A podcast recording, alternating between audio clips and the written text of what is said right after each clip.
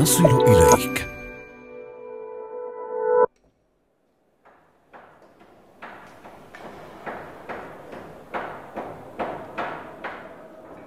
في مدينة أدرنا شمال غربي تركيا العمال الأتراك وخبراء الآثار يعملون بحرص شديد في هذا المكان.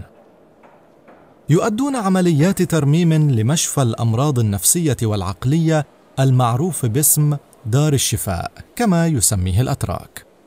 هذا المستشفى يقع في مجمع السلطان العثماني بايزيد الثاني. فهنا عمليات تنظيف وهناك عمليات تحليل لبعض القطع الأثرية القديمة التي تم العثور عليها خلال عمليات الترميم. فجأة بدأت تتكشف لدى الخبراء والعمال ملامح رسومات ونقوش غريبة بعض الشيء. إذ أن هذا المكان يعود إلى مستشفى لا إلى معرض فني قديم. بعد عمليات التحليل والربط تبين أن هذه الرسومات والنقوشات يعود تاريخها إلى خمسمائة عام. هذه الرسومات ليست طارئة عابرة بل ترتبط بالمرضى الذين كانوا يقطنون المستشفى بشكل مباشر. فما قصة هذه الرسومات؟ وما علاقة مستشفى الأمراض النفسية هذا بهذه اللوحات الفنية المرسومة على جدرانه؟ أهلا بكم في رواية الذي يأتيكم عبر منصة البودكاست موجة من تي آر تي عربي وأنا أحمد الكريري. لم تكن إسطنبول يوما مدينة عابرة. على مر التاريخ كان حضورها لافتا في صفحات الإمبراطوريات وكانت قلوب المسافرين تهفو إليها في رحلاتهم من الشرق إلى الغرب أو بالعكس. فتكون إسطنبول محطة المسافر وعون من يسعى إلى العون دون أن يطلبه حتى. كانت هذه المدينة عاصمة لعدد من الدول والإمبراطوريات عبر تاريخها الطويل فكانت عاصمة للإمبراطورية الرومانية والإمبراطورية البيزنطية والإمبراطورية اللاتينية والدولة العثمانية.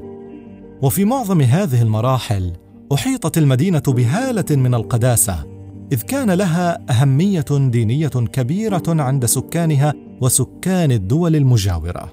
فكانت مدينة مهمة للمسيحيين بعد أن اعتنقت الإمبراطورية البيزنطية الدين المسيحي وذلك قبل أن تتحول لتصبح عاصمة الخلافة الإسلامية من عام 1517 حتى سقوطها عام 1924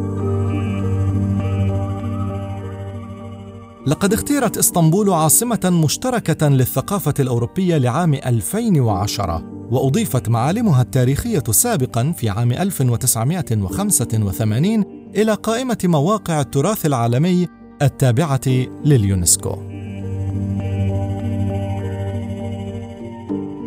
استنادا إلى هذا الحضور الجغرافي اللافت لإسطنبول في صفحات التاريخ وسير الحضارات المختلفة لا بد من أن هناك ما قدمته إسطنبول للعالم ولكل من مر بها أو أقام فيها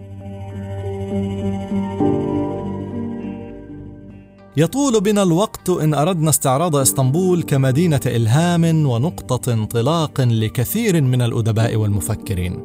ولكن بما أننا نتحدث عنها على مر التاريخ فيجدر بنا أن نتطرق إلى أبرز الإسهامات التي أهدتها إسطنبول إلى ساكنيها وإلى العالم أيضا.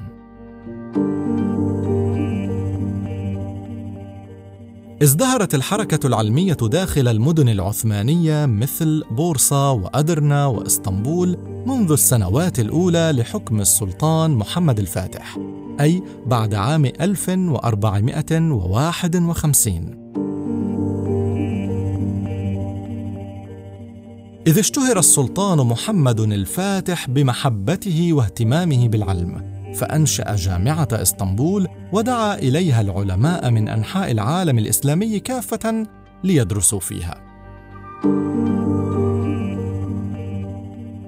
إضافة إلى ذلك ساهم العثمانيون خلال مدة حكمهم الممتدة ل 600 عام تقريبا في تطوير العلوم باعتمادهم على معارف سابقة كما أنهم أثروا وتأثروا بالطابع الأوروبي بسبب حركات الترجمة المتبادلة والبعثات التعليمية وقد تكون هذه هي المرة الأولى التي تعرف فيها عزيزي المستمع أن علم الفلك هو أحد أهم العلوم التي نجح العثمانيون في تطويرها ونقلها إلى أماكن كثيرة حول العالم. فعلم الفلك من العلوم المهمة التي استثمرت الدولة العثمانية فيها بشكل كبير، وذلك لما لهذا العلم من دور كبير في الثقافة الدينية. فبسبب استناد الشعائر الإسلامية إلى علم الفلك في تحديد مواقيت الصلاة وشهر الصيام لاقى هذا العلم اهتماما كبيرا من الدولة العثمانية لضمان دقة هذه الحسابات فبعد ظهور الدولة العثمانية وتبنيها دعم هذا المجال أسس مرصد خاص بها في إسطنبول وسمي هذا المرصد بتوب هانا. هذا المرصد دعم ماليا بشكل كامل من السلطان مراد الثالث ورئاسة تقي الدين راصد الشامي الذي كتب في تلك الفترة أكثر من ثلاثين كتابا في الرياضيات وعلم الفلك والطب. فأسست الدولة العثمانية مكتبا خاصا لرئيس الفلكيين. هذا المكتب مسؤول عن كل من يعمل في مجال الفلك وأهم وظائفه إعداد التقاويم السنوية وتحديد أوقات الصيام قبل شهر رمضان وإنشاء أدوات لوصف حركتي الشمس والقمر. بالإضافة إلى تحضير الجداول الفلكية للسلاطين والمسؤولين البارزين بالإضافة إلى تأسيس مكتب موقت الناس أي حافظ الوقت وهو المسؤول عن حفظ مواقيت الصلاة مكاتب العاملين في مجال الفلك كانت موجودة في كل المدن في ساحات المساجد على وجه التحديد. سمي الشخص الحافظ موقتا وكان في كل مكتب ستة عشر موظفا منهم ثمانية مراقبين وأربعة كتاب وأربعة مساعدين.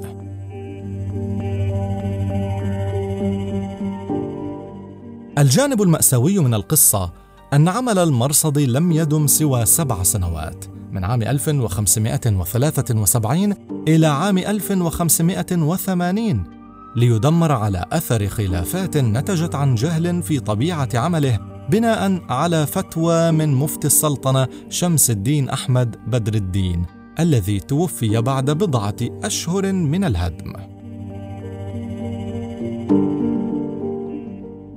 المهم أن هذا المرصد كان من أهم المراصد في تاريخ الحضارة الإسلامية وكانت قصته من أكثر القصص مأساوية ومع ذلك فقد ساهم وجود هذا المرصد بازدهار علم الفلك في حينه وفي نشر وتطوير هذا العلم في الدول المجاورة بما فيها أوروبا وروسيا.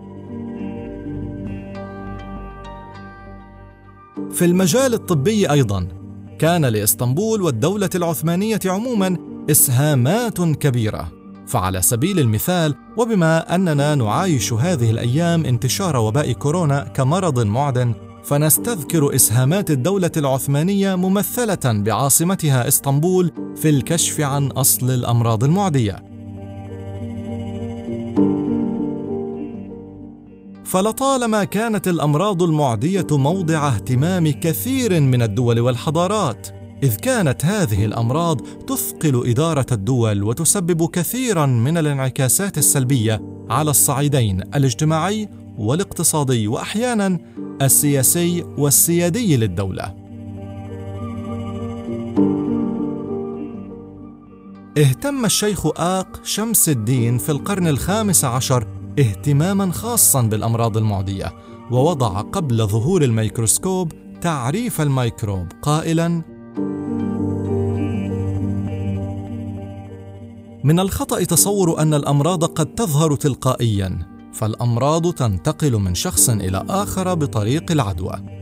هذه العدوى صغيرة ودقيقة إلى درجة عدم القدرة على رؤيتها بالعين المجردة لكن هذا يحدث بواسطة بذور حية.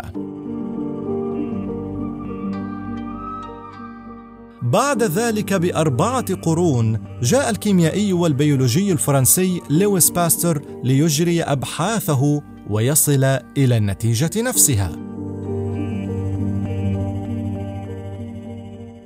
كان الشيخ آق شمس الدين عالما في النباتات ومدى مناسبتها للعلاج من الأمراض، وبلغت شهرته في ذلك أن صار مثلا بين الناس، فيقول المثل العثماني: إن النبات يتحدث إلى آق شمس الدين.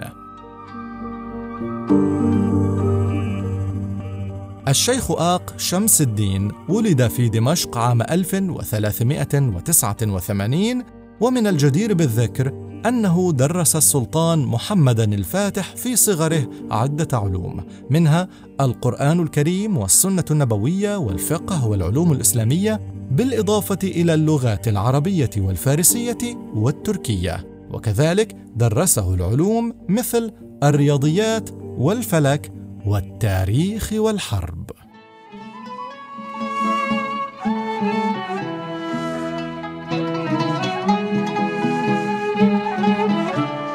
من علم الفلك إلى الفنون والموسيقى. ولكن هذه المرة الموسيقى للأغراض العلاجية. استخدام الموسيقى والروائح الطيبة أمر معتمد لدى كثير من المؤسسات التي تعنى برعاية ذوي الأمراض العقلية أو الاضطرابات النفسية. أمر مثبت هذه الأيام. لكن الأطباء العثمانيين قبل أكثر من 500 عام كانوا قد ابتكروا علاجا لذوي الأمراض العقلية والنفسية باستخدام الموسيقى والعطور الطيبة. انتقلت هذه الفلسفة المساندة في العلاج بفعل حركة السفر بين الدولة العثمانية وأوروبا إلى دول أخرى. ليس هذا فقط، بل إن العثمانيين كانوا قد برعوا في تفسير مشاهدات هؤلاء المرضى وتوظيفها في علاجهم. إذ اهتموا برسومات المرضى ونقوشهم التي كانت تملأ جدران المستشفى والصخور الموجودة في الحديقة، معبرين بهذه الرسومات والنقوشات عن أحلامهم ومشاعرهم. فهنا طيور ذات ألوان جميلة كالطاووس وهنا حيوانات كالغزال وهنا رسوم أخرى كالقلاع والزوارق البحرية وغير ذلك من الأشكال والألوان والرسومات.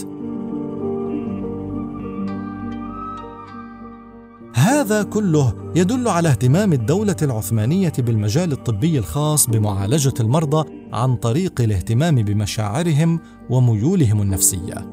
فوظفوا الموسيقى والروائح العطرية لتعمل بالتناغم مع اللوحات والرسومات التي تعبر عنهم. الأمر الذي بعث في نفوسهم الهدوء والاستقرار النفسي. هذا المستشفى الذي أصبح متحفا يزوره الآن آلاف السائحين والأجانب فلا يغادرون مدينة أدرنا دون زيارة مستشفى الأمراض العقلية والنفسية بالمجمع.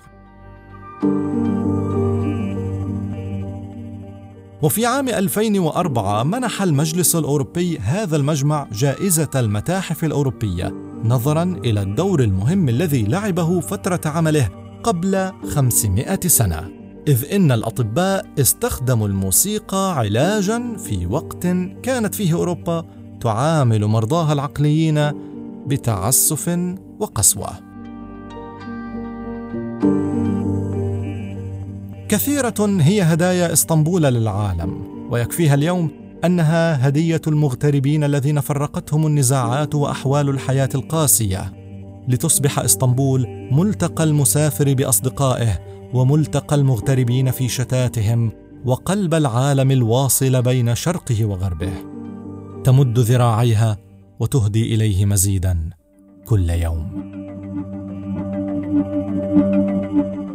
عزيزي المستمع إن كنت قد زرت إسطنبول سابقا أو تقيم فيها حاليا فما الهدية التي قدمتها لك إسطنبول؟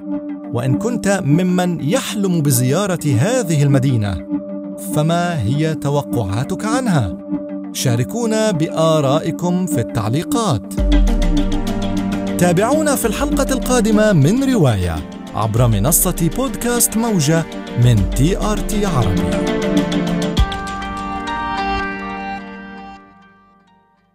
موجة نصل إليك.